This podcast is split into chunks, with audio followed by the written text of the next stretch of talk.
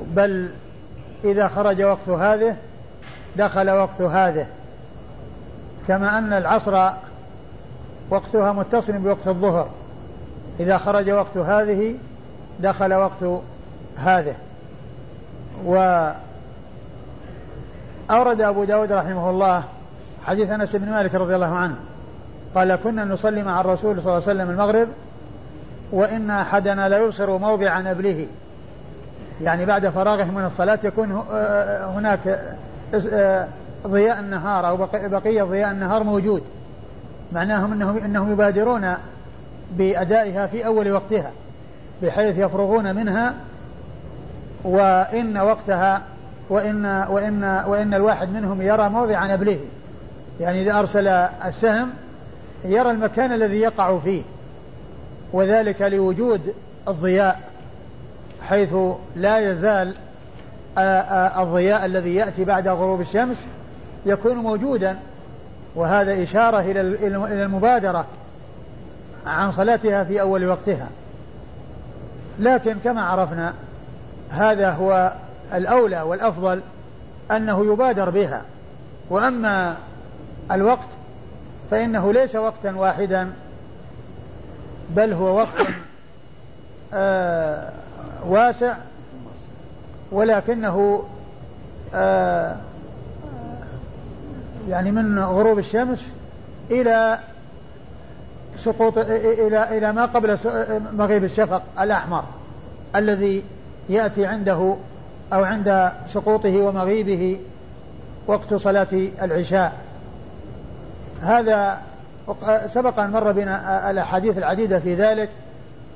الدالة على أول وقت وعلى آخره. ومما يدل على سعة وقت المغرب أن النبي صلى الله عليه وسلم قرأ مرة فيها بالأعراف. والأعراف جزء وربع. وقراءة الرسول صلى الله عليه وسلم مرتلة. ومعنى هذا أن وقتها طويل. لأن إيقاعها في وهي جزء وربع جزء. والرسول صلى الله عليه وسلم أداها في يوم من الأيام على هذا النحو يدلنا على أن وقتها يعني واسع وأنه ليس وقتا واحدا كما جاء في بعض الروايات في حديث جبريل أنه أمه في اليومين عند غروب الشمس أو بعد غروب الشمس. بل قد جاء في الأحاديث بعد ذلك عن رسول الله صلى الله عليه وسلم ما يدل على أن وقتها إلى مغيب الشفق. نعم. قال حدثنا داود بن شبيب. حدثنا داود بن شبيب وهو صدوق أخرجه البخاري وأبو داود بن ماجه. صدوق أخرج حديث البخاري وأبو داود وابن ماجه.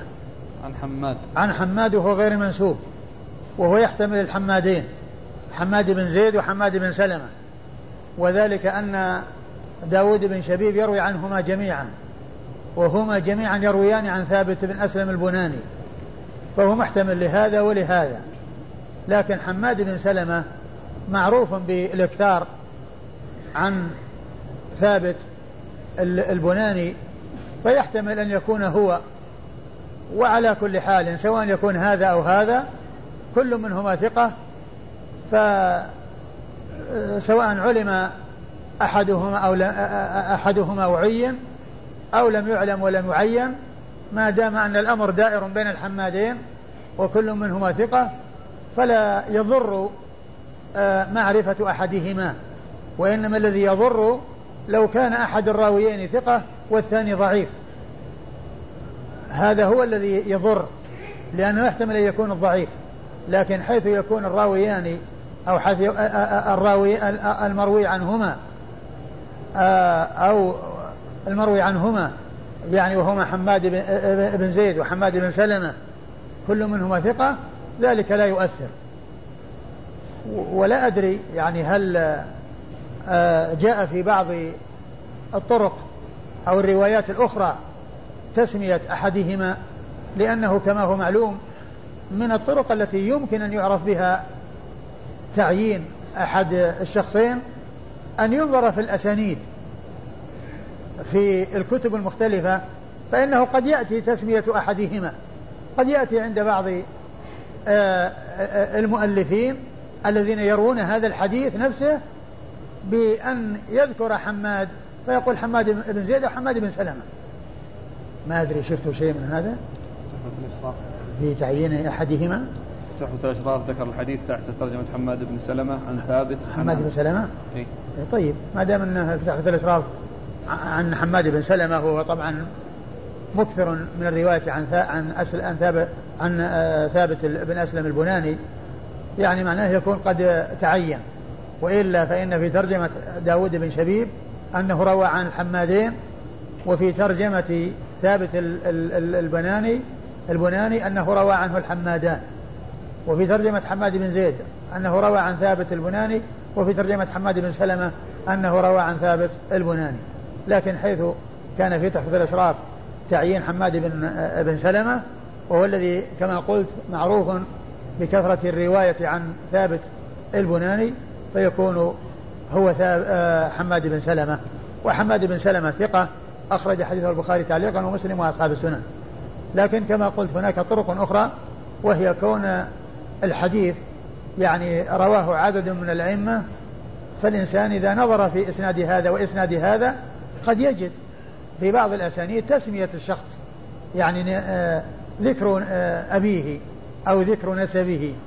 نعم. عن ثابت.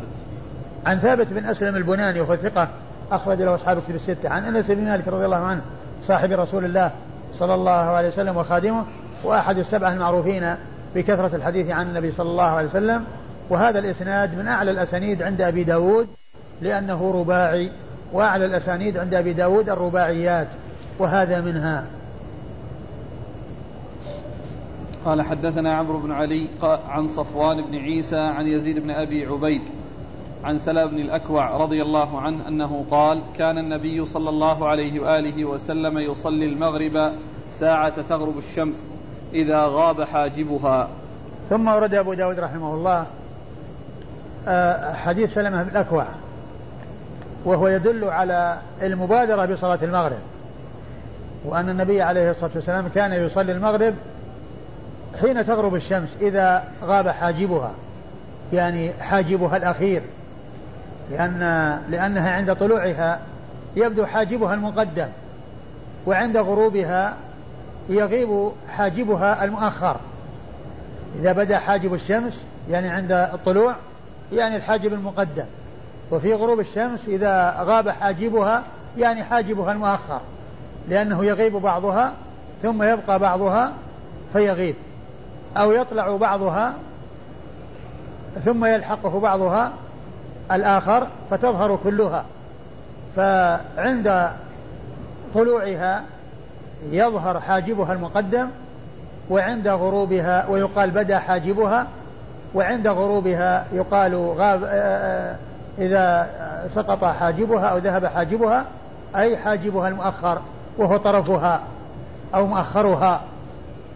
والمقصود آه، المبادرة إلى الإتيان بالصلاة وأنها حين تغرب الشمس ويسقط حاجبها أي تغيب كلها. بحيث يذهب آخرها الذي هو حاجبها الذي يكون هو آخر شيء يغيب منها. نعم.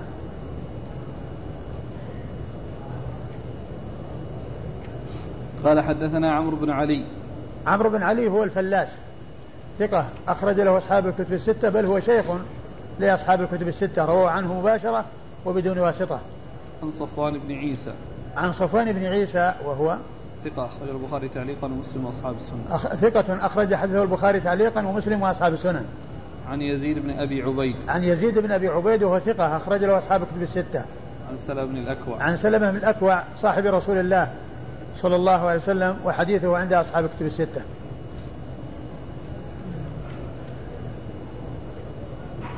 قال حدثنا عبيد الله بن عمر قال حدثنا يزيد بن زريع قال حدثنا محمد بن إسحاق قال حدثني يزيد بن أبي حبيب عن مرثد بن عبد الله أنه قال لما قدم علينا أبو أيوب رضي الله عنه غازيا وعقبة بن عامر رضي الله عنه يومئذ على مصر فأخر المغرب فقام إليه أبو أيوب فقال له ما هذه الصلاة يا عقبة؟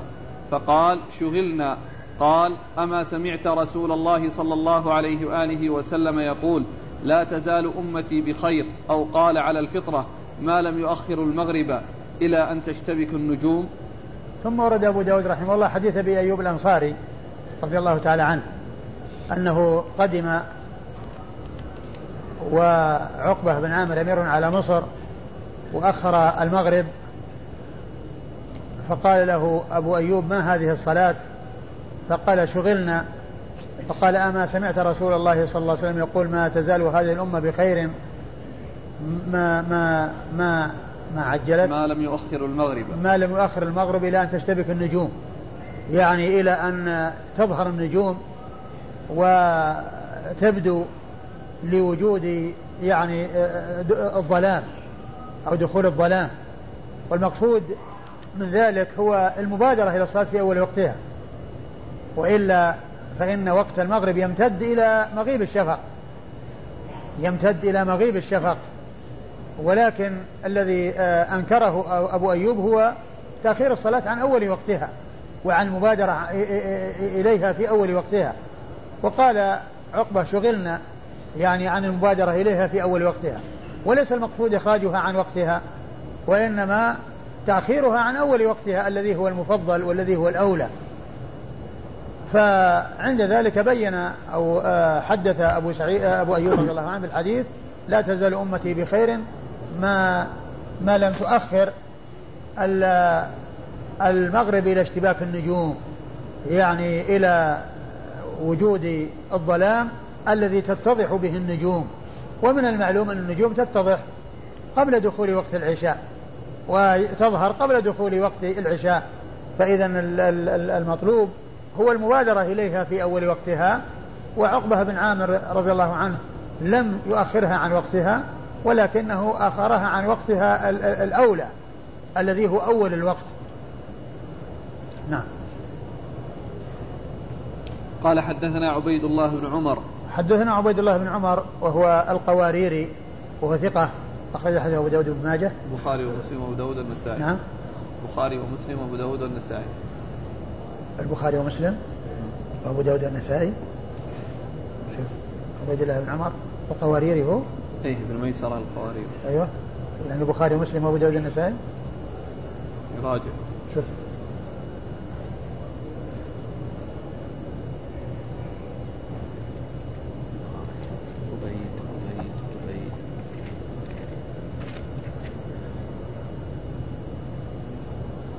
البخاري ومسلم وداود النسائي ثقة أخرج حديث البخاري ومسلم وأبو داود النسائي عن يزيد بن زريع. عن يزيد بن زريع وهو ثقة أخرج له أصحاب كتب الستة. عن محمد بن إسحاق. عن محمد بن إسحاق المدني وهو صدوق يدلس أخرج حديثه البخاري تعليقا ومسلم وأصحاب السنن. عن يزيد بن أبي حبيب. عن يزيد بن أبي حبيب المصري ثقة أخرج له أصحاب كتب الستة. عن مرثد بن عبد الله. عن مرثد بن عبد الله اليزني المصري وهو ثقة آه وكنيته أبو الخير. أخرج حديثه أصحاب الكتب الستة. عن أبي أيوب. عن أبي أيوب الأنصاري وهو خالد بن زيد رضي الله تعالى عنه وحديثه عند أصحاب الكتب الستة. قال رحمه الله تعالى باب في وقت العشاء الآخرة قال حدثنا مسدد قال حدثنا أبو عوانة عن أبي بشر عن بشير بن ثابت عن حبيب بن سالم عن النعمان بن بشير رضي الله عنهما أنه قال أنا أعلم الناس بوقت هذه الصلاة صلاة العشاء الآخرة. كان رسول الله صلى الله عليه وآله وسلم يصليها لسقوط القمر لثالثة. ثم ورد أبو داود رحمه الله هذه ترجمة باب باب في وقت صلاة العشاء الآخرة. وكلمة الآخرة هذه آه المقصود بها تمييزها عن المغرب لأنه يقال لها العشاء ويقال الوقت بينهما بين العشاءين بين العشاءين.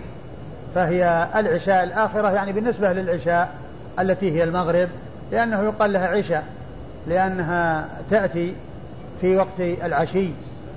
ف ويقال فيما بينها في الوقت بينهما بين العشاءين يعني المغرب والعشاء. ولهذا وصفت بأنها الآخرة. وأورد في ذلك أبو داود رحمه الله حديث النعمان بن بشير رضي الله تعالى عنهما. أنه قال أنا أعلم الناس بصلاة رسول الله صلى الله عليه وسلم آه، في وقت هذه الصلاة في وقت هذه الصلاة يعني صلاة العشاء كان عليه الصلاة والسلام يصليها عند سقوط القمر ليلة ثالثة لثالثة يعني لثالثة من الشهر. يعني معناه إذا غاب القمر في ليلة الثالث معناه أنه دخل وقت العشاء دخل وقت العشاء. فيعني هذا تحديد وتقدير بالقمر ومغيبه وذلك في أول الشهر حيث يعني يكون ابن ثلاث ليالي. إذا غاب فإنه يأتي وقت صلاة العشاء. وقد عرفنا في الأحاديث الماضية أنها يعني إذا غاب الشفق الأحمر الذي هو تابع للشمس والحمرة التي بعد مغيب الشمس عندما تذهب ويكون الظلام الدامس الشديد عند ذلك يبدأ وقت صلاة العشاء.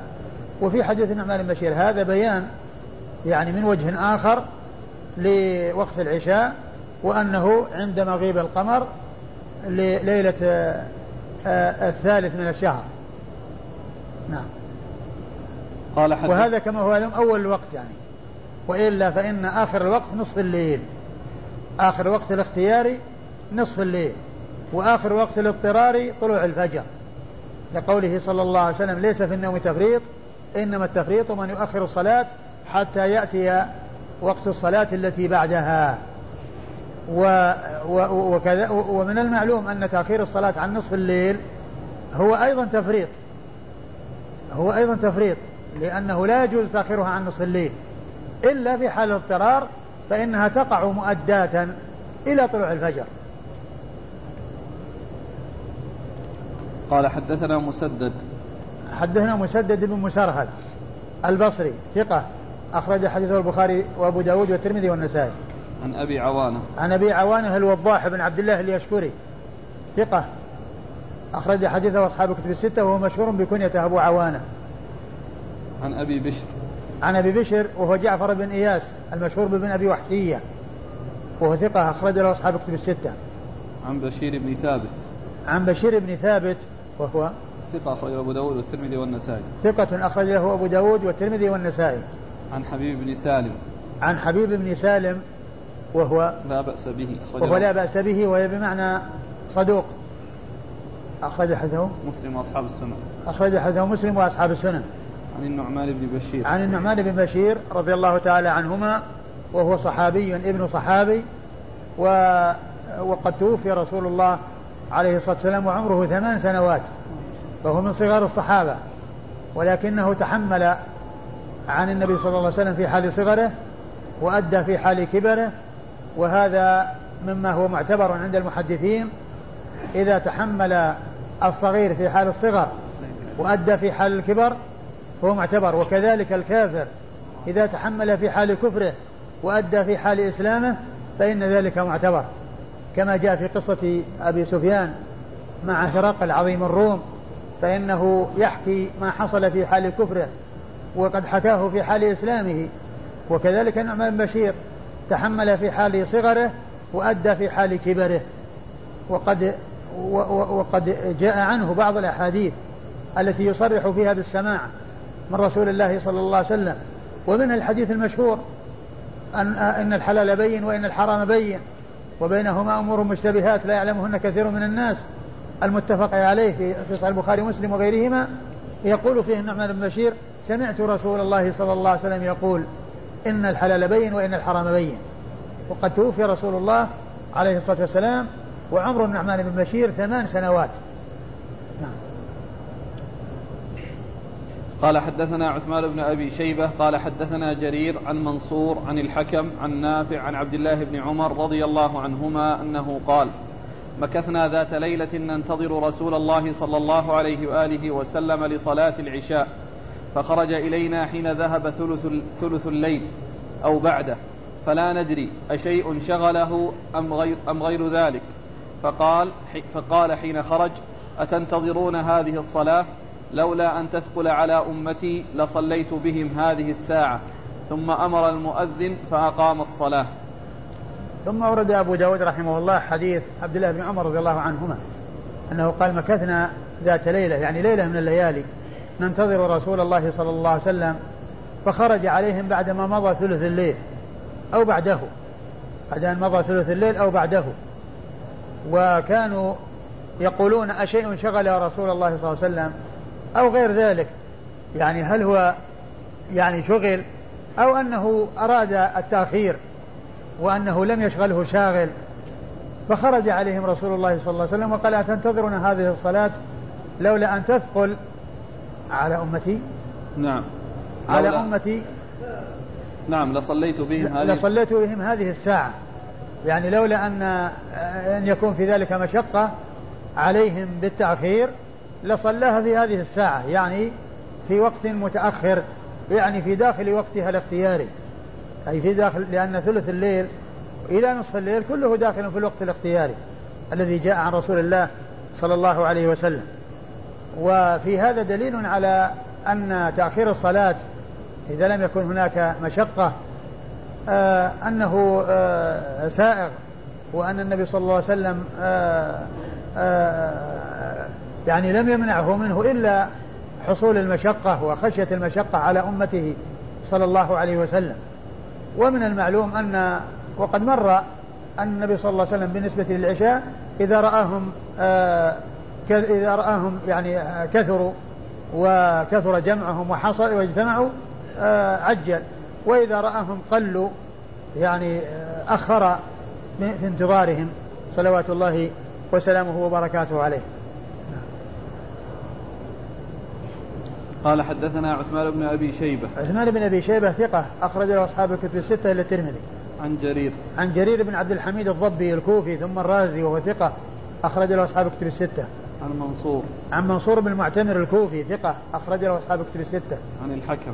عن الحكم بن عتيبة الكندي الكوفي ثقة أخرج له أصحاب الكتب الستة. عن نافع. عن نافع مولى بن عمر ثقة أخرج له أصحاب الكتب الستة. عن عبد الله بن عمر رضي الله عنهما صحابي بن صحابي.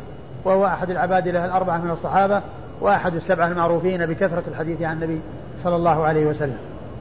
قال حدثنا عمرو بن عثمان الحمصي قال حدثنا أبي قال حدثنا حريز عن راشد عن راشد بن سعد عن عاصم بن حميد السكوني أنه سمع معاذ بن جبل رضي الله عنه يقول أبقينا النبي صلى الله عليه وآله وسلم في صلاة العتمة فأخر حتى ظن الظان أنه ليس بخارج. والقائل منا يقول صلى فإنا لك ذلك حتى خرج النبي صلى الله عليه وآله وسلم فقالوا له كما قالوا. فقال لهم اعتموا بهذه الصلاة فإنكم قد فضلتم بها على سائر الأمم ولم تصلها أمة قبلكم. ثم ورد أبو داود رحمه الله آه حديث معاذ بن جبل. حديث معاذ بن جبل رضي الله تعالى عنه.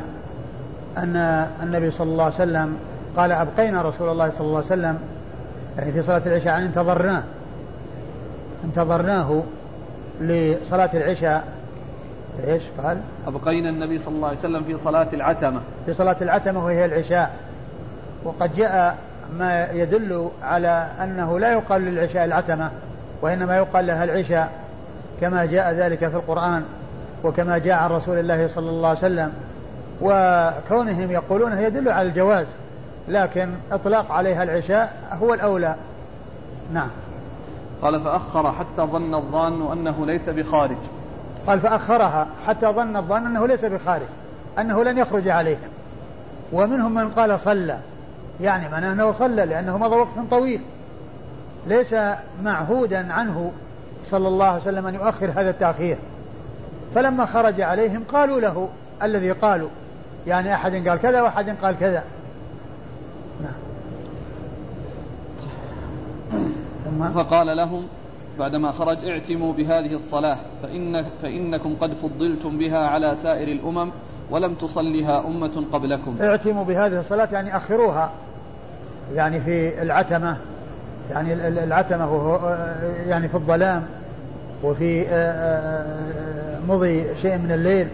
فإنكم فضلتم على سائر الأمم بهذه الصلاة ولم تصليها أحد. نعم ولم تصليها أمة قبلكم. ولم تصليها أمة قبلكم. وقوله فضلتم على الأمم بهذه الصلاة يعني بصلاة العشاء. يحتمل أن يكون المقصود أنهم فضلوا بصلاة العشاء وأن تلك الأمم يعني ليست عليهم صلاة العشاء. ويحتمل أن يكون مقصود التأخير إلى هذا الوقت. وقد سبق أن مر في حديث جبريل لما ذكر له الأوقات قال هذا وقت الأنبياء من قبلك. هذا وقت الأنبياء من قبلك. وهذا يدلنا على أن الصلوات الخمس أنها فرضت على الأمم السابقة. فرضت على الصلاة الأمم السابقة ولكن كيفيتها آه الله تعالى أعلم بها. وفي هذا الحديث يعني ما يدل على أن هذه الأمة فضلت بهذه الصلاة ويحتمل أن يكون المقصود هو التأخير. وكونها تصلى في يعني آه في وقت متأخر ويحتمل أن تكون يعني آه صلاة العشاء من أصلها أنهم فضلوا بها وأن الأمم السابقة ليست كذلك. لكن الحديث الذي سبق أن مر قولها الصلاة صلاة الأنبياء من قبلك يدل على أن الصلوات أيضا كانت على الأمم السابقة وعلى الأنبياء السابقين. ولكن كيفيتها ومقاديرها لم يأتي شيء يدل على ذلك. لكن قوله هذا وقت الأنبياء من قبلك يعني يدل على أن هذه الصلاة على الأمم السابقة. ويعني آه، إذا فسر هذا الذي جاء في الحديث أن هذه الأمة فضلت بأنها تؤخر وأنها يعتم بها وتؤخر يكون لا تنافي بينه وبين الحديث الذي سبق أن مر. ومعنى هذا أن هذه الصلاة تكون على الأمم السابقة ولكن الذي فضلت يعني بكونهم يؤخرونها. أي هذه الأمة بكونهم يؤخرونها. بخلاف الأمم السابقة فإنها لا تؤخرها مثل هذا التأخير نعم. قال حدثنا عمرو بن عثمان الحمصي. عمرو بن عثمان الحمصي عمرو بن عثمان بن سعيد بن كثير الحمصي صدوق أخرج حديثه أبو داود والنسائي وابن ماجه. عن أبيه. عن أبيه وهو آه، عثمان بن كثير بن سعيد الحمصي وهو ثقة أخرج حديثه أبو داود والنسائي وابن ماجه. عن حريز. عن حريز بن عثمان الحمصي وهو ثقة أخرج حديثه البخاري وأصحاب السنن عن راشد بن سعد. عن راشد بن سعد الحمصي وهو ثقة أخرج البخاري في الأدب المفرد وأصحاب السنن وهو ثقة أخرج حديثه البخاري في الأدب المفرد وأصحاب السنن عن عاصم بن حميد السكوني. عن عاصم بن حميد السكوني وهو صدوق مخضرم أخرج له أبو داود. صدوق مخضرم أخرج حديثه. أبو داود والترمذي في الشمائل والنسائي وابن ماجه. صدوق مخضرم أخرج حديثه أبو داود والترمذي في الشمائل والنسائي وابن ماجه. عن معاذ بن جبل. عن معاذ بن جبل رضي الله تعالى عنه صاحب رسول الله صلى الله عليه وسلم وحديثه عند أصحاب الكتب الستة وكان سكن الشام ومات بها في طاعون عمواس سنة ثمان عشرة من الهجرة والإسناد كله شاميون. والتسع والذين قبل معاذ كلهم حمصيون. ولا أدري هل معاذ سكن حمصا فيكون الإسناد كله حمصي كل كله حمصيين. الحاصل أن الذين قبل معاذ كلهم من حمص. قال حدثنا مسدد قال حدثنا بشر بن المفضل قال حدثنا داود بن أبي هند عن أبي نضرة عن أبي سعيد الخدري رضي الله عنه أنه قال صلينا مع رسول الله صلى الله عليه وآله وسلم صلاة العتمة فلم يخرج حتى مضى نحو نحو حتى مضى نحو من شط من شطر الليل فقال خذوا مقاعدكم فأخذنا مقاعدنا فقال إن الناس قد صلوا وأخذوا مضاجعهم وإنكم لن تزالوا في صلاة ما انتظرتم الصلاة ولولا ضعف الضعيف وسقم السقيم لأخرت هذه الصلاة إلى شطر الليل. ثم ورد أبو داود رحمه الله حديث أبي سعيد الخدري رضي الله عنه وأن النبي صلى الله عليه وسلم أخر الصلاة صلاة العتمة التي هي العشاء ثم خرج عليهم وقال لولا سقم مستقيم وضعف الضعيف لأخرتها إلى هذه الساعة وقال خذوا مقاعدكم ولعل المقصود بقوله خذوا مقاعدكم يعني سووا صفوفكم. وسووا صفوفكم يعني خذوا مقاعدكم يعني استووا للصلاة. إيش قال؟ إن الناس يقول أبو سعيد الخدري صلينا مع رسول الله صلى الله عليه وآله وسلم صلاة صلاة العتمة فلم يخرج حتى مضى نحو من من شطر الليل. يعني قريب من نصف الليل يعني في آخر وقتها. أيوة. فقال خذوا مقاعدكم فأخذنا مقاعدنا. فقال إن الناس قد صلوا وأخذوا مضاجعهم. إن الناس قد صلوا يعني غيركم وأخذوا مضاجعهم يعني ناموا. أيوة. وإنكم لن تزالوا في صلاة ما انتظرتم الصلاة. وأنتم لا وأنكم, وأنكم لم لن تزالوا في صلاة ما انتظرتم الصلاة. يعني هذه المدة التي تنتظرون فيها الصلاة أنتم في صلاة. والإنسان إذا دخل المسجد وصار ينتظر الصلاة فهو في صلاة ما انتظر الصلاة. نعم. ولولا ضعف الضعيف وسقم, وسقم السقيم لأخرت هذه الصلاة إلى شطر الليل. وهذا مثل الذي تقدم لولا أن أشق لولا أن تثقل على أمتي لأخرتها إلى هذه الساعة. يعني سقم السقيم وضعف الضعيف. سقم السقيم يعني وضعف الضعيف. نعم. قال حدثنا مسدد عن بشر بن المفضل. بشر بن المفضل ثقة أخرج له أصحاب الكتب الستة. عن داود بن أبي هند. عن داود بن أبي هند ثقة أخرجه البخاري تعليقا ومسلم وأصحاب السنن عن أبي نضرة. عن أبي نضرة وهو المنذر بن مالك وهو ثقة أخرج حديثه البخاري تعليقا ومسلم وأصحاب السنن. عن أبي سعيد. عن أبي سعيد الخدري وهو سعد بن مالك بن سنان الخدري صاحب رسول الله صلى الله عليه وسلم وهو مشهور بكنيته ونسبته وهو أحد السبعة المعروفين بكثرة الحديث عن النبي صلى الله عليه وسلم. قال رحمه الله تعالى باب في وقت الصبح. قال حدثنا القعنبي عن مالك عن يحيى بن سعيد عن عمرة بنت عبد الرحمن عن عائشة رضي الله عنها أنها قالت إن كان رسول الله صلى الله عليه وآله وسلم ليصلي الصبح فينصرف النساء متلفعات بموطهن ما ما يعرفن من الغلس. ثم ورد أبو داود رحمه الله حديث عائشة رضي الله عنها أن النساء كن يصلين مع رسول الله صلى الله عليه وسلم الصبح. باب في وقت الصبح. باب في وقت صلاة الصبح. باب في وقت صلاة الصبح وهذا هو آخر الأوقات أو هذه آخر الصلوات. وذكر وقتها آخر الأوقات لأنه بدأ بالظهر لأنه بدأ بالظهر كما سبق أن مر.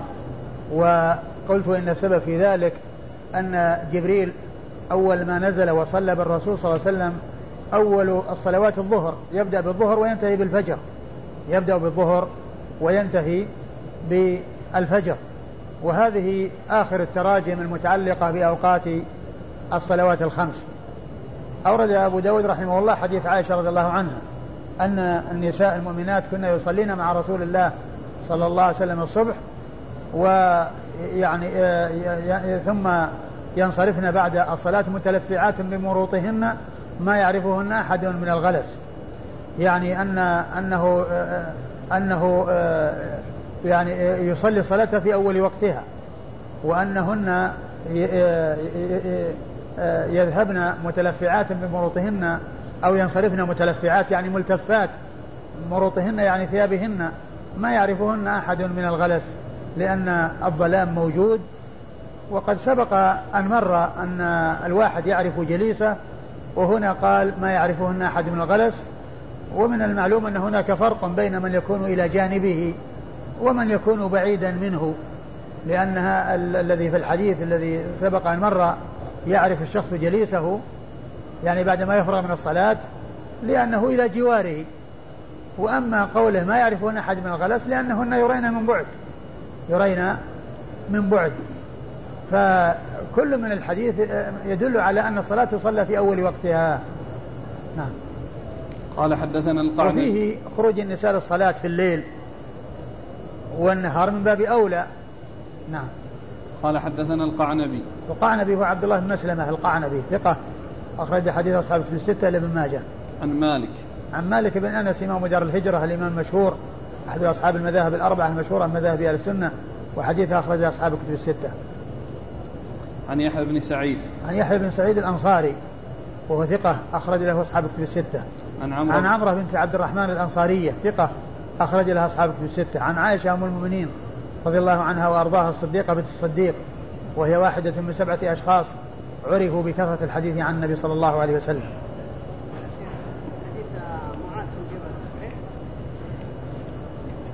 حديث معاذ؟ نعم صحيح. وش فيه؟ صحيح. قال حدثنا إسحاق بن إسماعيل قال حدثنا سفيان عن ابن عجلان عن عاصم بن عمر بن قتادة بن النعمان عن محمود بن لبيد عن رافع بن خديج رضي الله عنهما أنه قال قال رسول الله صلى الله عليه وآله وسلم أصبحوا بالصبح فإنه أعظم لأجوركم أو أعظم لل أو أعظم للأجر. ثم ورد أبو داود رحمه الله حديث رافع بن خديج أصبحوا بالصبح فإنه أعظم لأجوركم أو أعظم للأجر.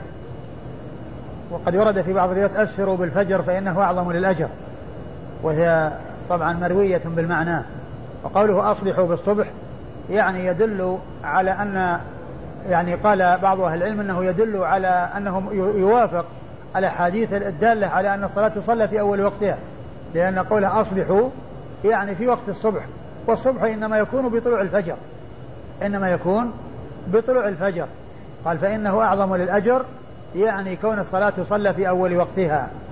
وبعض أهل العلم قال إنه يسفر بها و لكن يمكن أن يقال أو قال لكن قال بعض أهل العلم إن إن ال ال ال إن الإسفار يكون باعتبار أنها تطال فيها القراءة فيكون الإنسان يدخل فيها في أول وقت وإذا أطال القراءة يعني يكون يحصل الإسفار عند الفراغ وحصول الإسفار عند الفراغ منها.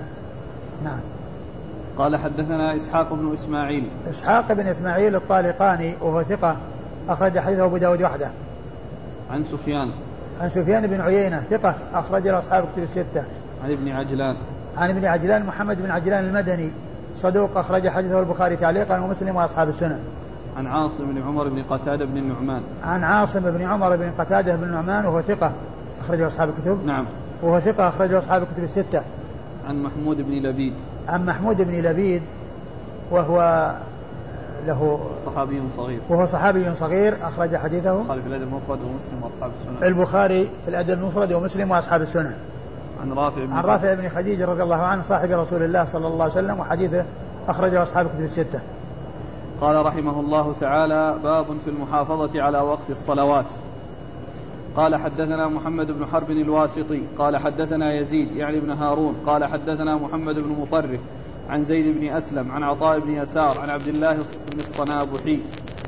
قال زعم أبو محمد أن الوتر واجب فقال عبادة بن الصامت رضي الله عنه كذب أبو محمد أشهد أني سمعت رسول الله صلى الله عليه وآله وسلم يقول خمس صلوات افترضهن الله تعالى.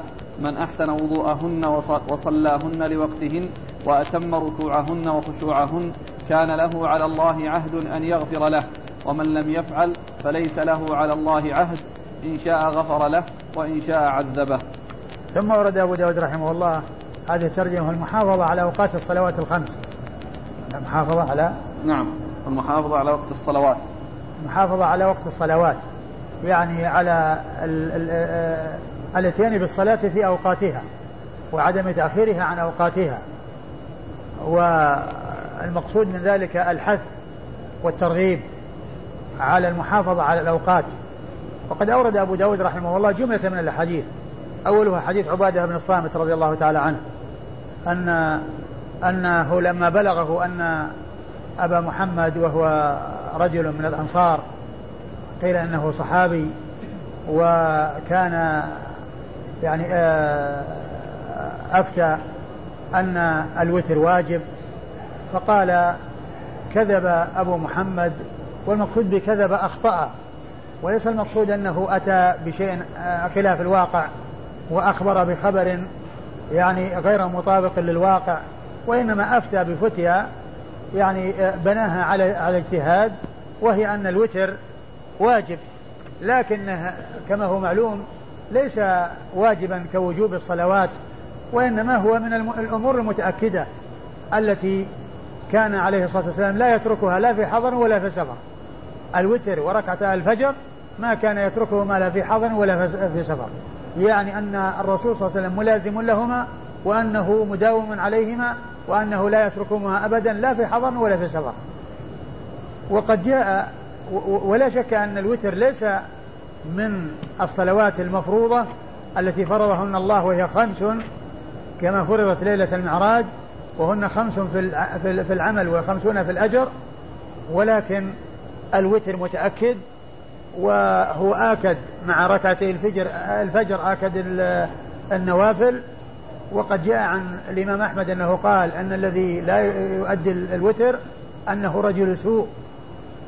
ومن المعلوم أن من يتهاون في, في النوافل يتها قد يتهاون في الفرائض.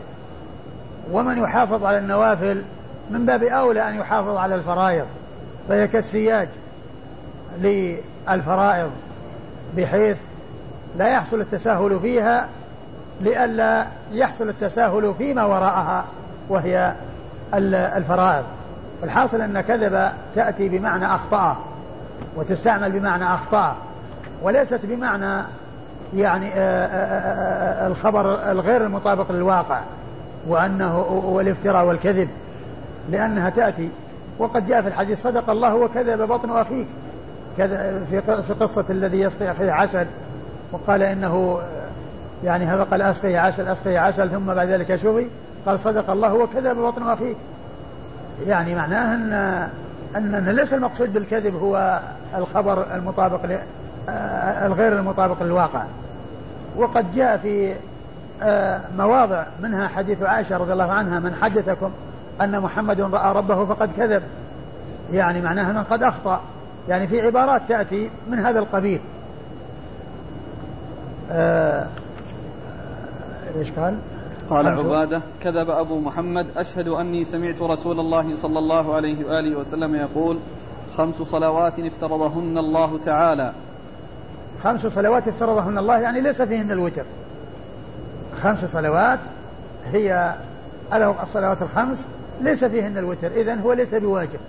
وهو ليس بواجب وليس بحتم يعني آه، كما كما بالنسبة للصلوات ولكنه متأكد. بل هو آكد النوافل مع ركعتي الفجر. نعم. من أحسن وضوءهن وصلاهن لوقتهن وأتم ركوعهن وخشوعهن كان له على الله عهد أن يغفر له. من أحسن. آه من أحسن وضوءهن. يعني آه كونه يعني أتى بالشرط الذي هو الوضوء بحيث أحسنه وأتى به على الوجه المشروع وصلاهن لوقتهن وهذا محل الشاهد. المحافظة على أوقات الصلاة والمحافظة على وقت الصلاة. صلاهن لوقتهن يعني بحيث لا لا يؤخر لم يؤخرهن عن أوقاتهن. وأتم ركوعهن وسجودهن. وخشوعهن كان له عهد على الله أن يغفر له. ومن لم يفعل يعني لم يحصل منه ذلك لم يكن له عند الله عهد. نعم. فليس له على الله عهد إن شاء غفر له. فليس له على الله عهد يعني كالأول إن شاء غفر له وإن شاء عذبه. عذبه. إن شاء غفر له وإن شاء عذبه. نعم. قال حدثنا محمد بن حرب الواسطي. محمد بن حرب الواسطي صدوق. أخرج حديثه. البخاري ومسلم وأبو داود. البخاري ومسلم وأبو داود. عن يزيد يعني بن هارون. عن يزيد بن هارون الواسطي وهو ثقة. أخرج له أصحاب الكتب الستة. عن محمد بن مطرف. عن محمد بن مطرف وهو ثقة. أخرج له أصحاب الكتب الستة. عن زيد بن أسلم. عن زيد بن أسلم ثقة. أخرج له أصحاب الكتب الستة. عن عطاء بن يسار. عن عطاء بن يسار ثقة. أخرج له أصحاب الكتب الستة. عن عبد الله بن الصنابحي. عن عبد الله الصنابحي. عبد الله الصنابحي. عبد الله الصنابحي. قيل هو صحابي وقيل هو عبد الرحمن بن عسيلة المخضرم الذي قال عنه بعض أهل العلم كاد أن يكون صحابيا لأنه قدم إلى رسول الله صلى الله عليه وسلم ولما كان في الجحفة يعني في الطريق إلى الرسول صلى الله عليه وسلم جاءه الخبر بأن الرسول صلى الله عليه وسلم توفي وقد جاء يريد أن يلقى الرسول صلى الله عليه وسلم ولهذا قال بعض أهل العلم كاد كاد أن يكون صحابيا ما بينه وبين الصحبة إلا شيء يسير. و و فقيل إن عبد الله الصنابحي هذا ثقة أنه أنه صحابي وقيل إنه آه، التابعي المخضرم و الأحاديث التي جاءت باسم عبد الله الصنابحي آه، آه، جاءت عند أبي داود و والنسائي بن ماجه. نعم. أبو داود والنسائي بن ماجه. وأما عبد الرحمن بن عسيلة الذي هو أبو عبد الله الصنابحي فحديثه عند أصحاب الكتب الستة. عن عبادة بن الصامت. عن عبادة بن الصامت رضي الله عنه صاحب رسول الله صلى الله عليه وسلم وحديثه عند أصحاب الكتب الستة.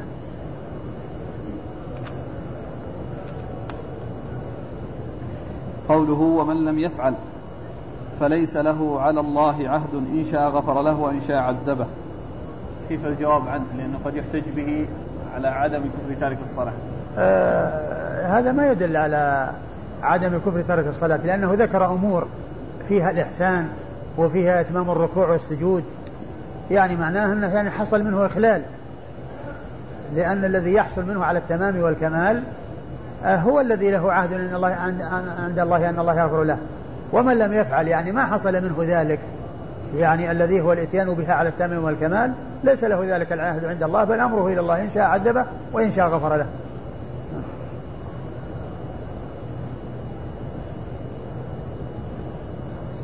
قال حدثنا محمد بن عبد الله الخزاعي وعبد الله بن مسلمة. قال حدثنا عبد الله بن عمر. عن القاسم بن غنام عن بعض أمهاته عن أم فروة رضي الله عنها أنها قالت سئل رسول الله صلى الله عليه وآله وسلم أي الأعمال أفضل؟ قال الصلاة في أول وقتها. قال الخزاعي في حديثه عن عمة له يقال لها أم فروة. قد بايعت النبي صلى الله عليه وآله وسلم أن النبي صلى الله عليه وآله وسلم سئل. ثم ورد أبو داود رحمه الله حديث أم فروة وهي الأنصارية رضي الله تعالى عنها ان ان إيش؟ قالت سئل. سئل رسول الله. نعم. أي الأعمال أفضل؟ سئل رسول الله صلى الله عليه وسلم أي الأعمال أفضل؟ فقال الصلاة في أول في أول وقتها. الصلاة الصلاة في أول وقتها. وهذا يعني يدل على المحافظة على الصلاة في وقتها بل في أول وقتها. لأن الإنسان إذا أداها في أول وقتها بادر إلى إبراء الذمة. بخلاف الإنسان الذي يؤخرها إلى آخر الوقت قد تخرج عن الوقت فيكون بذلك عرض صلاته لخروجها عن الوقت. فالمبادرة إليها فيها إبراء للذمة وتحصيل لبراءتها وعدم تعريض الصلاة للتأخير عن وقتها فيما لو أخرها إلى آخر وقتها. نعم.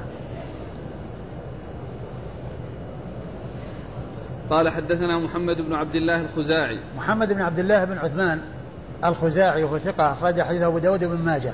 وعبد الله بن مسلمة. وعبد الله بن مسلمة القعنبي مر ذكره. عن عبد الله بن عمر. عن عبد الله بن عمر بن حفص بن عاصم العمري وهو ضعيف أخرج حديثه مسلم وأصحاب السنن.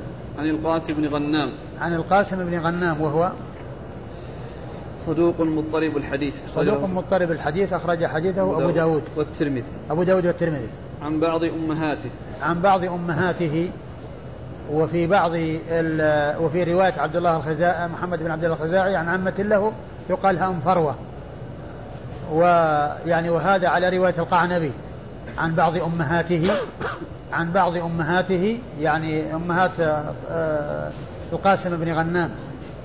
وقال الحافظ أنها لا تعرف لا يعرف اسمها ولا ولا حالها. وأخرج لها أبو داود وحده. عن أم فروة. عن أم فروة وهي أنصارية أخرج حديثها أبو داود والترمذي. أبو داود والترمذي. أخرج حديثها أبو داود والترمذي. قال الخزاعي في حديثه عن عمة له يقال لها أم أم فروة. قال الخزاعي في حديثه بدل ذا قال عن بعض أمهاته عن أم فروة يعني معناه اثنتين. ورواية الخزاعي يعني على أنها واحدة. عن عمة له يقال لها أم فروة. يعني معنى هذا أن طلق بن غنام يروي عن أم فروة وأنها عمة له. نعم. الظاهر لأجل هذا قال مضطرب الحديث. نعم لعل. قال حدثنا مسدد قال حدثنا يحيى عن إسماعيل بن أبي خالد قال حدثنا أبو بكر بن عامر بن رؤيبة هكذا بالهمز ولا بالتخفيف؟ رويبة رويبة رويبة إيه. عن أبيه رضي الله عنه أنه قال سأله رجل من أهل البصرة فقال أخبرني ما سمعت من رسول الله صلى الله عليه وآله وسلم. قال سمعت رسول الله صلى الله عليه وآله وسلم يقول لا يلج النار رجل صلى قبل طلوع الشمس وقبل أن تغرب. قال أنت سمعته منه ثلاث مرات؟ قال نعم. كل ذلك يقول سمعته أذناي ووعاه قلبي. فقال الرجل وأنا سمعت وأنا سمعته صلى الله عليه وآله وسلم يقول ذلك.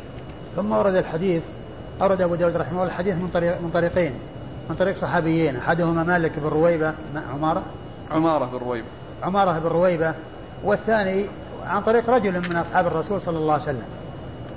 قال سأله رجل قال أخبرني ما سمعت من رسول الله صلى الله عليه وسلم فقال إن النبي عليه الصلاة والسلام قال لا يلج النار أحد صلى قبل طلوع الشمس وقبل غروبها. يعني بذلك صلاة العصر وصلاة الفجر. يراد بذلك صلاة العصر وصلاة الفجر. قال أنت سمعته من رسول الله صلى الله عليه وسلم يكرر عليه ثلاث مرات. قال نعم سمعته أذناي وعاه قلبي. يعني معناه أنه متأكد. وأنه يعني آه، ضابط. للشيء. وهذه ومثل هذه العبارات تدل على الضبط والإتقان.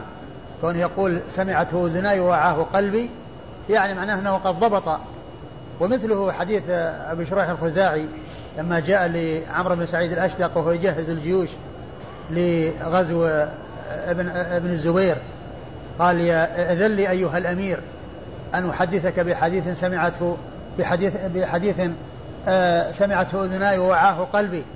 ورأيته صلى الله عليه وسلم وهو يحدث به وذكر حديث آه حجة الوداع وما قال يعني الغد من يوم آه النحر آه إن الله حرم مكة ولم يحرم الناس وجاب الحديث الطويل الذي في حرمة مكة والمقصود منه قال سمعته اذناي وعاه قلبي ورأته عيناي وهو يحدث به يعني أن هذا يدل على التثبت. فقال ذلك الرجل وأنا سمعته.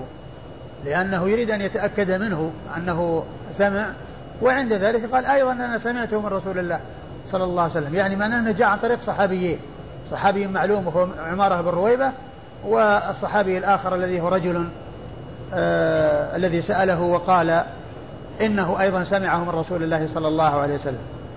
وهو يتعلق بصلاة الفجر وصلاة العصر والمحافظة عليهما. فهما الصلاتان قبل طلوع الشمس وقبل غروبها. نعم. قال حدثنا وهاتان الصلاتان هي التي تجتمع فيها الملائكة اللي ينزلون في الليل وفي النهار يجتمعون في صلاة الصبح وصلاة العصر.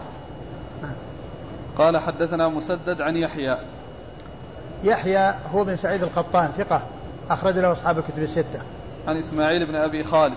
عن إسماعيل بن أبي خالد وهو ثقة أخرج له أصحاب الكتب الستة. عن أبي بكر بن عمارة بن رويبة عن أبي بكر بن عمارة بن رويبة وهو مقبول أخرج حديثه. مسلم وأبو داود والنسائي. مسلم وأبو داود والنسائي. عن أبيه. عن أبيه وهو عمارة بن رويبة صاحب رسول الله صلى الله عليه وسلم وحديثه أخرجه مسلم. نعم وأبو داود والترمذي والنسائي. أبو داود مسلم وأبو داود والترمذي والنسائي. يكفي شيخ باقي. دقيقتان تقريبا. والله تعالى أعلم وصلى الله وسلم وبارك على عبده ورسوله نبينا محمد وعلى آله وأصحابه أجمعين.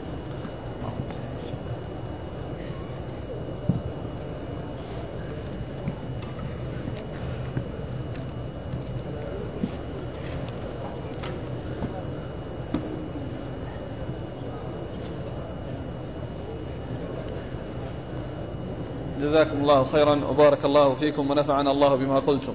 يقول السائل كيف يعرف الظل؟ ظل الفيء وفيء الزوال.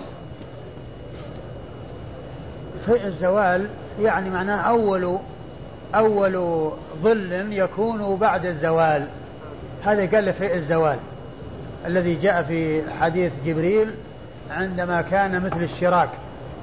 يعني الشراك يعني معناه أن شيء دقيق تحت الجدار. آه هذا قال في الزوال. والظل يعني امتداده واتساعه ويكون قصيرا ك كفئ الشراك قال له ظل. وهو فئ. لأنه فاء يعني من يعني من بدل ما كان الظل إلى جهة الغرب صار إلى جهة الشرق بعد أن زالت الشمس.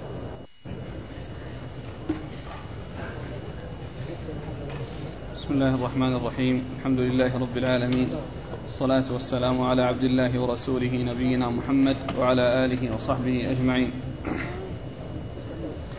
أما بعد قال الإمام أبو داود السجستاني رحمه الله تعالى تحت باب في المحافظة على وقت الصلوات. قال حدثنا عمرو بن عون قال أخبرنا خالد عن داود بن أبي هند عن أبي حرب بن أبي الأسود عن عبد الله بن فضالة عن أبيه رضي الله عنهما أنه قال علمني رسول الله صلى الله عليه وآله وسلم فكان فيما علمني وحافظ على الصلوات الخمس. قال قلت إن هذه ساعات لي فيها أشغال فمرني بأمر جامع إذا أنا فعلته أجزأ عني. فقال حافظ على العصرين. وما كانت وما كانت من لغتنا. فقلت وما العصران؟ فقال صلاة قبل طلوع الشمس. وصلاة قبل غروبها. بسم الله الرحمن الرحيم. الحمد لله رب العالمين وصلى الله وسلم وبارك على عبده ورسوله نبينا محمد وعلى آله وأصحابه أجمعين. أما بعد فالترجمة التي مرت بالأمس هي في المحافظة على أوقات الصلوات. وقد مر بعض الأحاديث في ذلك وبقي بعض الأحاديث ومنها حديث فضالة الليثي رضي الله تعالى عنه أنه قال علمني رسول الله صلى الله عليه وسلم فكان مما علمني وحافظ على الصلوات الخمس في مواقيتهن. وحافظ على حافظ على الصلوات الخمس. وحافظ بس وحافظ على الصلوات نعم الخمس. نعم. وحافظ على الصلوات الخمس. يعني فيما علمه الرسول صلى الله عليه وسلم وحافظ على الصلوات الخمس. قلت يا رسول الله إن لي أشغالا في هذه الساعات فمرني بأمر جامع. إذا أخذت به أجزع عني. فقال عليه الصلاة والسلام حافظ على العصرين. وقال ولم يكن ولم تكن في لغتنا يعني العصران. يعني لم تكن في لغتنا يعني ما كان يفهم العصرين. فقلت وما العصران يا رسول الله؟ قال العصر والفجر. صلاة قبل طلوع الشمس. صلاة قبل طلوع الشمس وصلاة قبل غروبها يعني الفجر والعصر. يعني بذلك صلاتي الفجر والعصر. والحديث كما ترجم له المصنف دال على المحافظة على الصلوات. وقال له حافظ على الصلوات الخمس. وقال إن لي أشغالا في تلك الساعات ومرني بأمر جامع. فأرشده النبي صلى الله عليه وسلم إلى أفضل الصلوات. وليس المقصود من ذلك أن الصلوات الأخرى يتهاون بها ولكنه ذكر المحافظة على الجميع ثم أرشد إلى ما هو له ميزة وما له فضل على غيره من الصلوات الخمس وهي العصر والفجر. وذلك لأن هاتين الصلاتين هي التي تجتمع فيها الملائكة التي آه، آه، ملائكة الليل وملائكة النهار الذين ينزلون ويصعدون ويجتمع آه، الصاعدين الصاعدون والنازلون عند صلاة العصر وصلاة الفجر. ولهذا جاء أحاديث كثيرة تدل على فضل هاتين الصلاتين وهما صلاة العصر وصلاة الفجر. قوله ولم تكن في لغتنا يعني أنه ما فهم العصرين. ومن المعلوم أن بعض الكلمات قد تخفى على بعض العرب ويكون عندهم كلمة مشهورة ويكون لها معنى آخر عند آه، بعض القبائل العربية. فلما قال العصراني لم يفهم المراد بهما فسأل رسول الله صلى الله عليه وسلم فأخبره بأنهما الفجر والعصر أي الصلاة التي قبل طلوع الشمس وهي الفجر والصلاة التي قبل غروبها وهي العصر.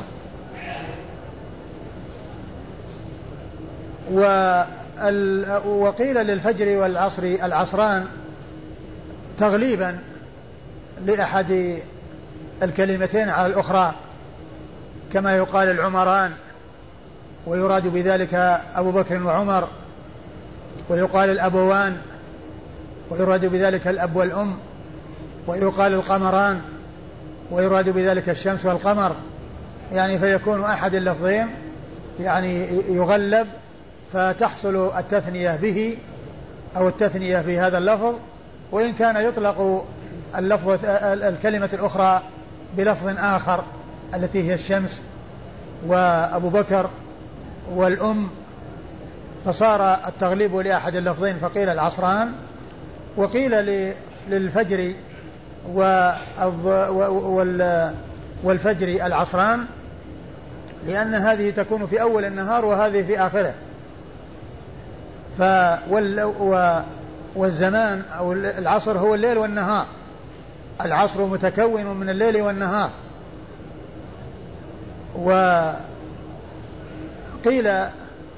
يعني لهما العصران لأن هذه تقع في آخر النهار وهذه تقع في أول النهار. نعم إيش بعده؟ بس الإسناد قال حدثنا عمرو بن عون.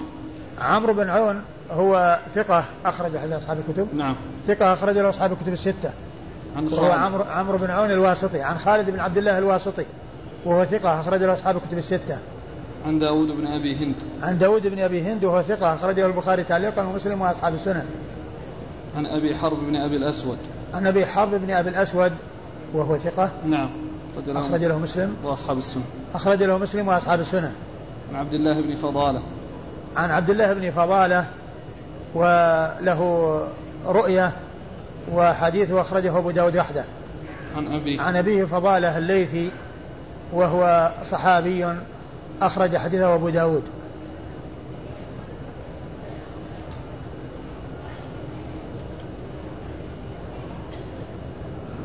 قوله في إن في هذه الساعات لي فيها أشغال يعني لا يستطيع صلاة الجماعة؟ نعم. لا يستطيع صلاة الجماعة لوجود الأعمال. الله أعلم. قال حدثنا محمد بن عبد الرحمن العنبري قال حدثنا أبو علي الحنفي عبيد الله بن عبد المجيد قال حدثنا عمران القطان قال حدثنا قتادة وأبان كلاهما عن خليد العصري عن أم الدرداء هنا نعم. عن أم الدرداء عن أبي الدرداء عن أم الدرداء عن أبي الدرداء رضي الله عنه أنه قال قال رسول الله صلى الله عليه وآله وسلم خمس من جاء بهن مع إيمان دخل الجنة من حافظ على الصلوات الخمس على وضوئهن وركوعهن وسجودهن ومواقيتهن وصام رمضان وحج البيت إن استطاع إليه سبيلا وأعطى الزكاة طيبة بها نفسه وأدى الأمانة. قالوا يا أبا الدرداء وما أداء الأمانة؟ قال الغسل من الجنابة. ثم ورد أبو داود رحمه الله حديث أبي الدرداء رضي الله تعالى عنه أن النبي عليه الصلاة والسلام قال خمس آه خمس. خمس من جاء بهن مع إيمان دخل الجنة. خمس من جاء بهن مع إيمان دخل الجنة. خمس من جاء بهن مع إيمان دخل الجنة. من جاء من جاء بهذه الخمس وهو مؤمن لأنه بدون الإيمان أي عمل من الأعمال فإنه لا عبرة به ولا قيمة له كما قال الله عز وجل وقدمنا إلى ما عملوا من عمل فجعلناه هباء منثورا. ويحتمل أن يكون مقصود الإيمان وهو التصديق يعني ب ب يعني ب بما ورد يعني في ذلك. ويكون مثل قوله من قام رمضان إيمانا واحتسابا. من قام رمضان إيمانا واحتسابا غفر له ما تقدم من ذنبه. ثم ذكر هذه الخمس وهي الصلوات الخمس. في ركوعهن وسجودهن ووضوئهن ومواقيتهن. وهذا هو المقصود من الترجمة قوله مواقيتهن المحافظة عليها في أوقاتها. ثم ذكر صيام شهر رمضان والحج والزكاة وأداء الأمانة. هذه الخمس فسئل أبو الدرداء عن الأمانة فقال الغسل من الجنابة. والغسل من الجنابة هو جزء من جزئيات الأمانة. وهذا كما يقولون تفسير بالمثال لأن لأنه ليس المقصود بالأداء الأمانة هو الغسل من الجنابة فقط بل هذا من ما هو أمانة. هذا مما هو أمانة ومما هو داخل تحت الأمانة وهو من النوع الذي يسمونه التفسير بالمثال وليس التفسير بالحصر وأن المقصود هو أن الأمانة هي الغسل من الجنابة وإنما هو بيان لما هو من أمثلة الأمانة أو لما هو داخل تحت الأمانة. وهو تفسير بالمثال. وكثير من تفسيرات السلف لآيات القرآن الكريم هي من قبيل اختلاف التنوع. من قبيل اختلاف التنوع. إما بتفسير بالمثال وإما بلفظ مقارب يؤدي المعنى ويوضحه. فإذا جاء هذا بلفظ وهذا بلفظ وهذا بلفظ يكون كلها حق. وإذا أتى هذا بمثال وهذا بمثال وهذا بمثال كلها حق. وعلى هذا فقول أبي الدرداء الغسل من الجنابة يعني أنه من الأمثلة التي تندرج تحت أداء الأمانة وليس المقصود من ذلك ال ال ال الاقتصار على غسل الجنابة أنه هو الأمانة أو أداء الأمانة فإن أداء الأمانات يكون في حق الله وحقوق الناس في حقوق الله عز وجل وحقوق حقوق العباد كلها أمانات. إن الله يأمركم أن تؤدي الأمانات إلى أهلها يعني آه، شامل لكل ما هو أمانة وليس مقصورا على شيء آه، دون شيء. نعم.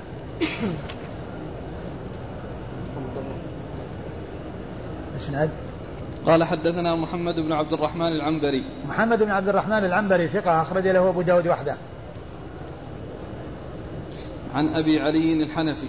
عن أبي علي الحنفي وهو عبيد الله بن عبد المجيد وهو صدوق أخرج له أصحاب كتب الستة. عن عمران القطان. عمران بن داور القطان وهو صدوق يهم. صدوق يهم أخرج له البخاري تعليقا وأصحاب البخاري تعليقا وأصحاب السنن عن قتادة. عن قتادة بن دعامة السدوسي البصري ثقة أخرج له أصحاب الكتب الستة. وأبان. وأبان هو بن يزيد العطار وهو ثقة أخرج له أصحاب الكتب إلا ابن ماجه. أبان بارك الله فيك. في هو بالعطار. في تحفة الأشراف أبان بن أبي عياش. هذا؟ مم. أبان بن أبي عياش؟ مم. في تحفة الأشراف؟ نعم. أبان بن أبي عياش. إيش قال عنه؟ لكنه متروك. متروك؟ إيه. لكن قال في تحفة الأشراف أنه نعم. على كل ما يؤثر لأنه مقرون. نعم. لأنه مقرون بقتادة. هو أبان بن أبي عياش؟ هكذا في تحفة الأشراف. أيوة. طيب أبان بن أبي عياش متروك أخرج له؟ أبو داود. أخرج له أبو داود وحده. عن خليد العصري. عن خليد العصري وخليد بن عبد الله العصري وهو صدوق. ثقة صدوق يرسل. أخرج حديثه مسلم وأبو داود. نعم. أخرج حديثه مسلم وأبو داود. عن أم الدرداء عن أبي الدرداء. عن أم الدرداء وهي الصغرى واسمها هجيمة وهي ثقة أخرج لها أصحاب الكتب الستة. وأما أم الدرداء الكبرى فليس لها رواية في الكتب الستة.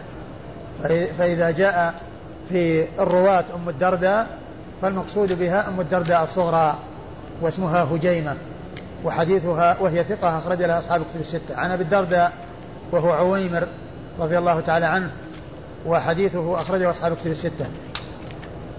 هذا الإسناد في تحفة الأشراف ليس فيه ليس فيه أم الدرداء. ليس فيه. هي مجعولة بين قوسين لعله يعني يعني في بعض النسخ. فلذلك نفس حتى الترجم يعني الحديث ساقه المزي تحت ترجمة خليد العصري عن أبي الدرداء. عن أبي الدرداء. ثم ساق الأحاديث. ومنها نعم.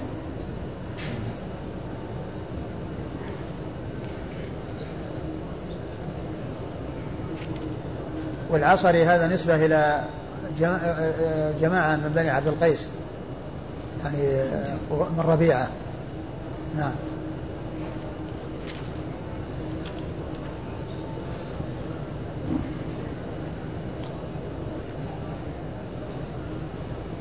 وأعطى الزكاة طيبة بها نفسه. وأعطى الزكاة طيبة بها نفسه يعني أنه آه، يؤديها وهو مرتاح ومنشرح الصدر و آه، جادت بها نفسه ما يؤديها وهو كاره أو يؤديها ونفسه فيها شيء في إخراجها. نعم. قال حدثنا حيوة بن شريح المصري. حيوة؟ بن شريح المصري. يعني هذا الإسناد؟ لا بس المصري هذه صحيحة. المصري من السابعة. المصري هو إيه. هو هو الحمصي. من التاسع في, في حمصي وفيه إيه. مصري. أما المصري من السابعة المصري من السابعة والحمصي هو هو الظاهر أنه مراد لأنه يروي عن بقية. أي نعم. هنا في التقريب لعله الحمصي. لعله الحمصي لأن فيه لما واحد حمصي وواحد مصري. نعم نعم. لأني لما رجعت تهذيب الكمال المصري ما يروي عن بقية ولا يروي عنه أبو داود. هو متقدم. أي من السابع. أي نعم. لكن الثاني اللي هو آه، الحمصي من العاشرة. إيه العاشرة من شيوخ أبو داود. إيه. إيه. يروي. هو الحمصي؟ إيه. الحمصي نعم. يعني المصري يعني بدلها الحمصي. قال حدثنا حيوة بن شريح الحمصي قال حدثنا بقية عن ضبارة بن عبد الله بن سليك الألهاني. قال أخبرني ابن نافع عن ابن شهاب الزهري أنه قال قال سعيد بن المسيب إن أبا قتادة بن ربعي رضي الله عنه أخبره. قال قال رسول الله صلى الله عليه وآله وسلم قال الله تعالى إني فرضت على أمتك خمس صلوات إني فرضت على أمتك خمس صلوات وعهدت عندي عهدا أنه من جاء يحافظ عليهن لوقتهن أدخلته الجنة ومن لم يحافظ عليهن فلا عهد له عندي. ثم ورد أبو داود رحمه الله حديث أبي سعيد حديث أبي قتادة. حديث أبي قتادة الحارث بن ربعي الأنصاري رضي الله عنه وهو حديث قدسي يقول الله عز وجل إني فرضت يخاطب نبيه محمد صلى الله عليه وسلم إني فرضت على أمتك خمس صلوات من حافظ عليهن في مواقيتهن كان له عهد آه، أن أن أغفر له.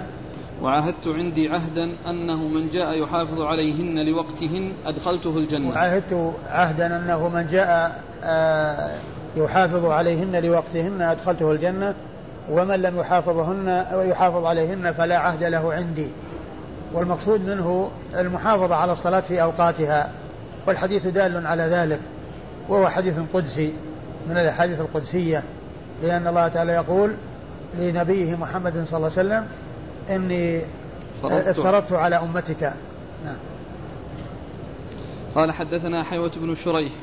حيوة بن شريح هو الحمصي وهو ثقة أخرج له. البخاري وأبو داود والترمذي وابن ماجه. البخاري وأبو داود والترمذي وابن ماجه.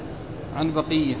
عن بقية بن الوليد الحمصي وهو صدوق كثير التدريس عن الضعفاء وحديثه أخرجه البخاري تعليقا ومسلم وأصحاب السنة. عن ضبارة بن عبد الله بن أبي سليك الألهاني. عن ضبارة بن عبد الله بن أبي سليك الألهاني وهو مجهول أخرج حديثه. البخاري في الأدب المفرد وأبو داود والنسائي وابن ماجه. البخاري في الأدب المفرد وأبو داود والنسائي وابن ماجه. عن عن ابن نافع. عن ابن نافع وهو وهو دويد ابن نافع مقبول. نعم. أخرج له أبو داود والنسائي وابن ماجه. أخرج له أبو داود والنسائي وابن ماجه. عن ابن شهاب. عن ابن شهاب محمد بن مسلم بن عبيد الله بن شهاب الزهري ثقة أخرج له أصحاب كتب الستة. عن سعيد بن المسيب. عن سعيد بن المسيب وهو ثقة فقيه من فقهاء المدينة السبعة في عصر التابعين أخرج له أصحاب كتب الستة. عن أبي قتادة بن ربعي. عن أبي قتادة الحارث بن ربعي الأنصاري رضي الله تعالى عنه وهو صحابي مشهور أخرج حديثه أصحاب كتب الستة.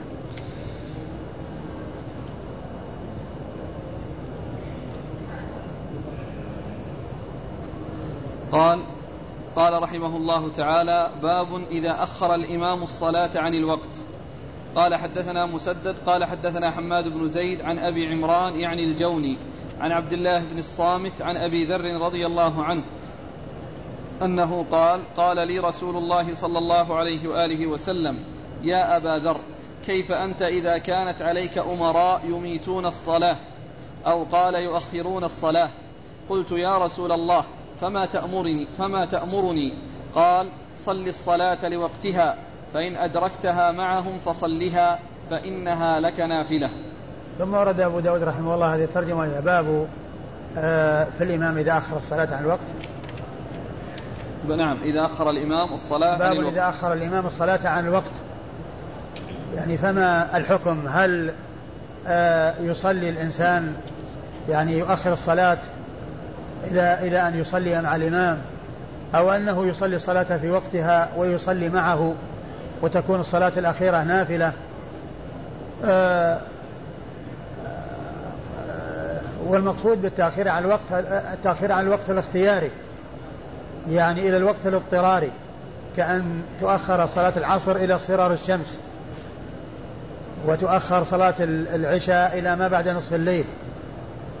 يعني التأخير عن الوقت الاختياري وليس المقصود بها التأخير عن وقت الصلاة بمعنى أنهم يؤخرون الصلوات إلى الفجر بعد طلوع الشمس والعصر يؤخرونها إلى بعد الغروب وإنما المقصود أنهم يؤخرونها عن الوقت الاختياري يؤخرونها عن الوقت الاختياري ويوقعونها في الوقت الاضطراري.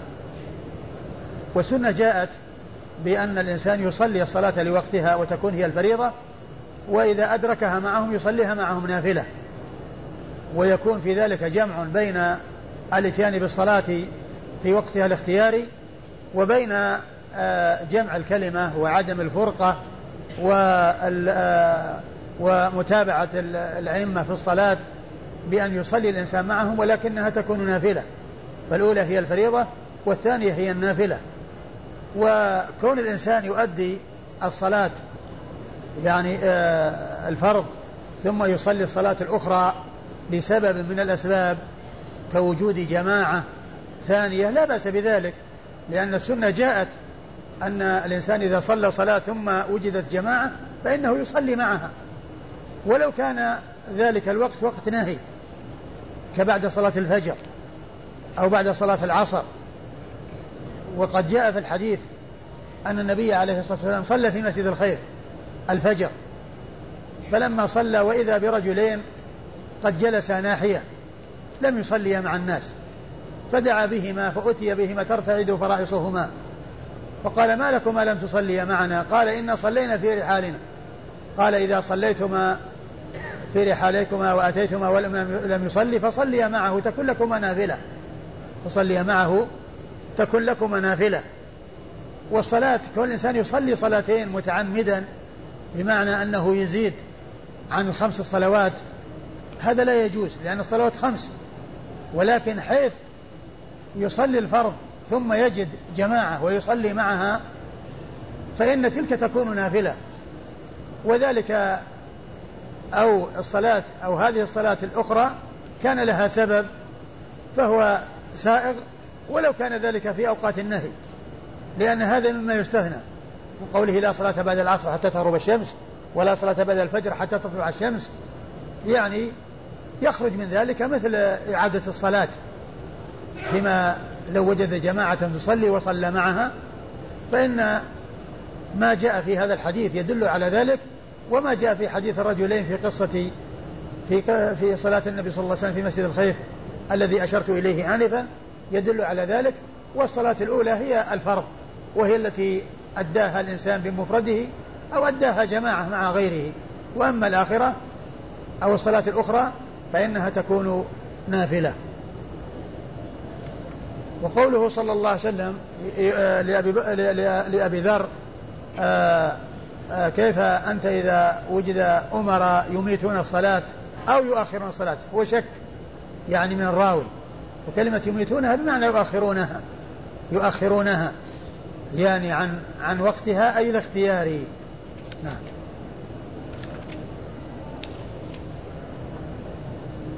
قال حدثنا مسدد. مسدد بن مسرهد ثقة أخرج له البخاري وأبو داود والترمذي والنسائي. عن حماد بن زيد. عن حماد بن زيد ثقة أخرج له أصحاب كتب الستة. عن أبي عمران يعني الجوني. عن أبي عمران يعني الجوني وهو عبد الملك بن حبيب وهو ثقة أخرج له أصحاب كتب الستة.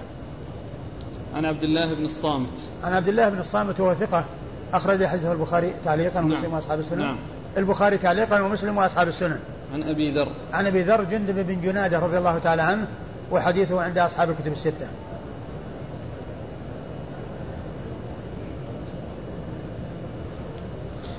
قال حدثنا عبد الرحمن بن إبراهيم دحيم الدمشقي. قال حدثنا الوليد. قال حدثنا الأوزاعي قال حدثني حسان يعني بن عطية عن عبد الرحمن بن سابق عن عمرو بن ميمون الأودي أنه قال قدم علينا معاذ بن جبل رضي الله عنه اليمن.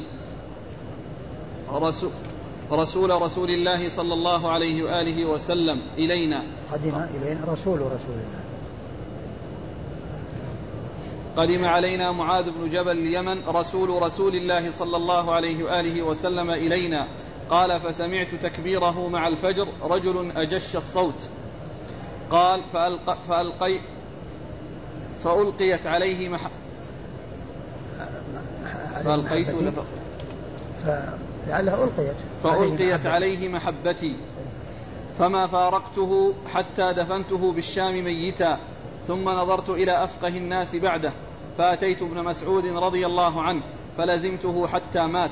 فقال قال لي رسول الله صلى الله عليه وآله وسلم كيف بكم إذا أتت عليكم أمراء يصلون الصلاة لغير ميقاتها؟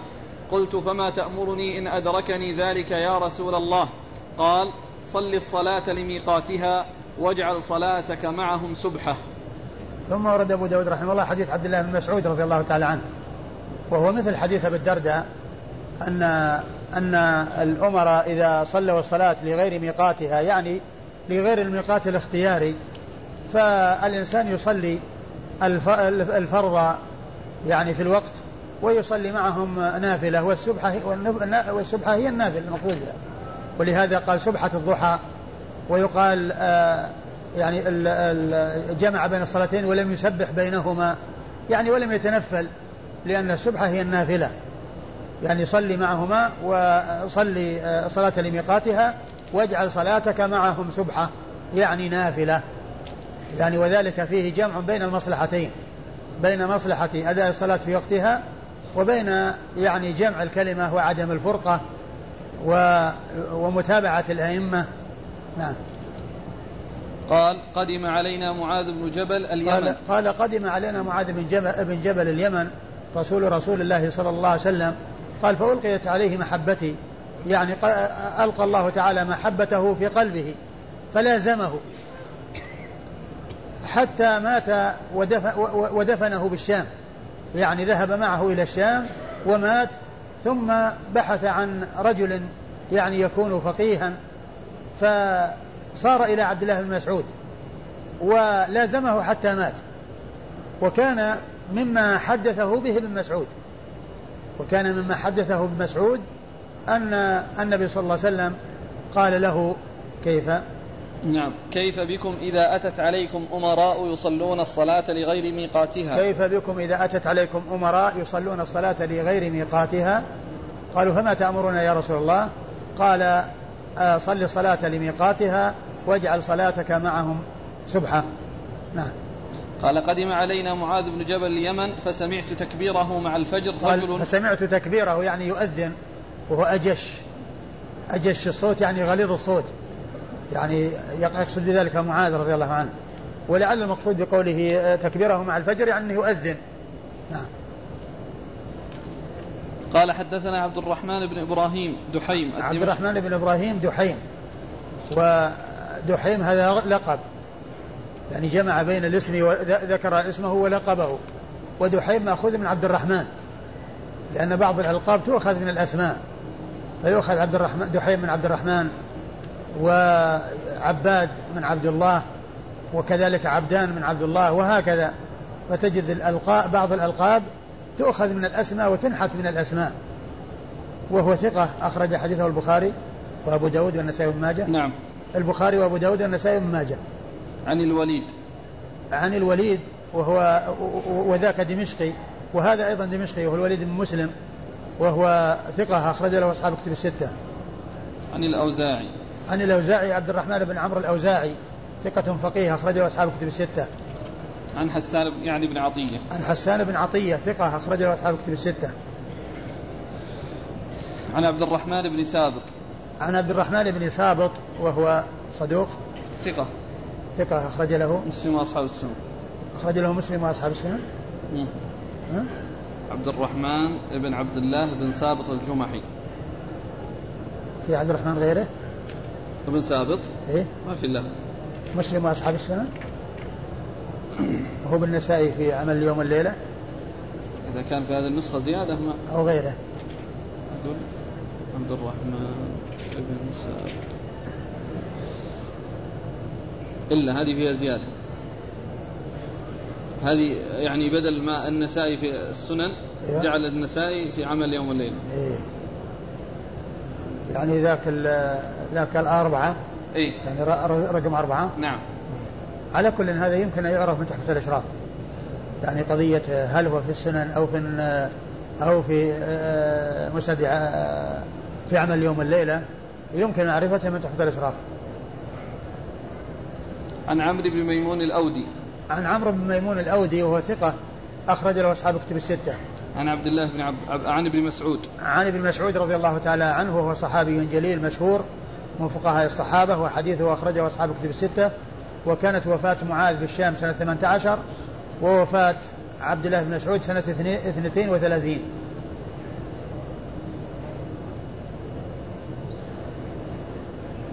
قال حدثنا محمد بن قدامة بن أعين قال حدثنا جرير عن منصور عن هلال بن يساف عن أبي المثنى عن ابن أخت عبادة بن الصامت عن عبادة بن الصامت رضي الله عنه.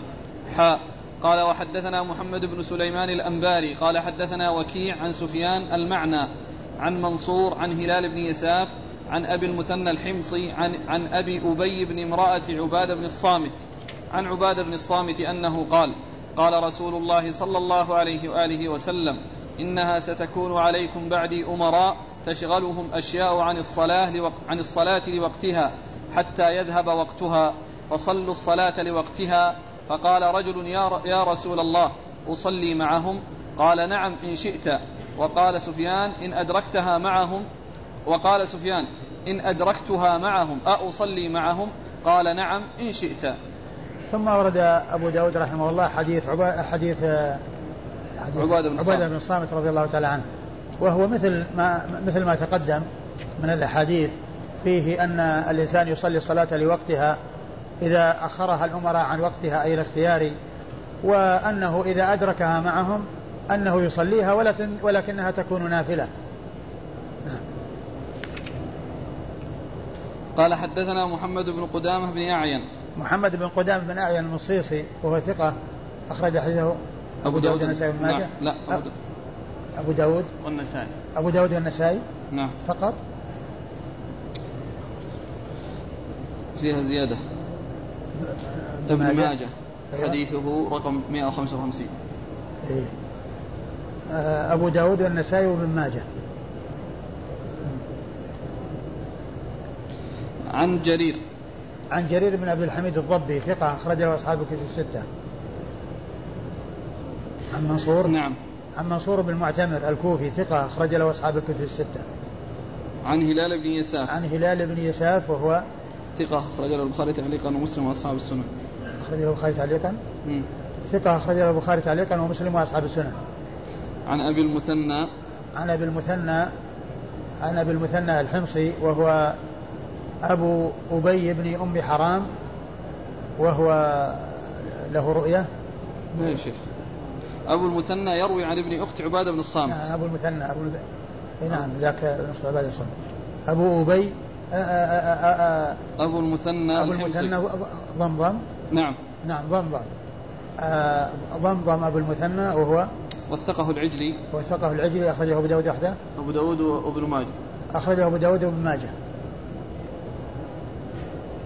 عن عن ابن أخت عبادة بن الصامت. عن ابن أخت عبادة بن الصامت وفي الإسناد الذي سيأتي ابن امرأته وهو أبو أبي بن أم و وهو له رؤية. صحابي. صحابي. أبو داود بن ماجه. صحابي. نعم. صحابي أخرج حديث أبو داود بن ماجه. عن عبادة بن الصامت رضي الله عنه صاحب رسول الله صلى الله عليه وسلم وحديثه عند أصحاب كتب الستة. حاء قال وحدثنا محمد بن سليمان الأنباري. محمد بن سليمان الأنباري ثقة أخرج حديث أبو داود وحده. الصدوق. صدوق. صدوق أخرجه أبو داود وحده. عن وكيع. عن وكيع بن الجراح الرؤاسي الكوفي ثقة أخرج له أصحاب الكتب الستة. عن سفيان. عن سفيان الثوري سفيان بن سعيد بن مسروق الثوري ثقة فقيه أخرج له أصحاب الكتب الستة. المعنى. المعنى يعني أن اللفظ واحد اللفظ المعنى واحد والألفاظ مختلفة. عن منصور عن هلال بن يساف عن أبي المثنى الحمصي عن أبي أبي بن مرأة عبادة بن الصامت عن عبادة بن الصامت. نعم. قوله هنا إن شئت. قال أو صلي معهم. يعني الذي يبدو أنه إذا ما يترتب على ذلك مضرة فالأمر إليه لأنه أدى الواجب الذي عليه. ولكن إذا كان يترتب عليه فرقة و أو يعني آه، غير ذلك فإنه يصلي معهم ولكنها تكون نافلة. قال حدثنا أبو الوليد الطيالسي قال حدثنا أبو هاشم يعني الزعفراني. قال حدثني صالح بن عبيد عن قبيصة بن وقاص رضي الله عنه أنه قال قال رسول الله صلى الله عليه وآله وسلم يكون عليكم أمراء من بعدي يؤخرون الصلاة. فهي لكم وهي عليهم فصلوا معهم ما صلوا القبلة. ثم ورد أبو داود رحمه الله حديث قبيصة, قبيصة بن وقاص رضي الله عنه وقال يكون عليكم أمراء يؤخرون الصلاة عن وقتها. يكون عليكم أمراء من بعد نعم يؤخرون الصلاة. يؤخرون الصلاة فهي لكم وعليهم. يعني لكم يعني لكم يعني كونكم تصلون الصلاة لوقتها وتصلون معهم هي لكم نافلة. وعليهم يعني عليهم إثم التأخير. عليهم إثم التأخير. يعني آه، آه، لأنهم إن أحسنوا فالإحسان لكم ولهم وإن أساءوا فالإساءة عليهم وليس عليكم وليس عليكم. وقد جاء مثل هذا في عن أمير المؤمنين عثمان بن عفان رضي الله تعالى عنه كما جاء في صحيح البخاري في باب إمامة المفتون والمبتدع. أنه لما كان محصورا في داره قيل له يا أمير المؤمنين إنك إمام عامة وهذا الذي يصلي بالناس إمام فتنة فماذا تأمرنا؟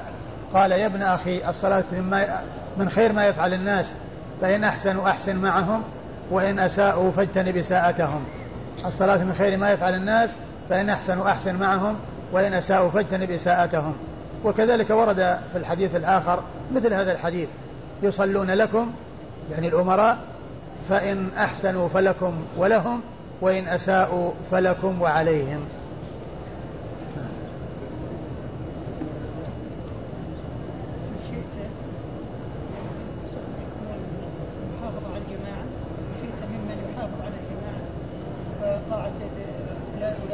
لا بس هو كلمة إن شئت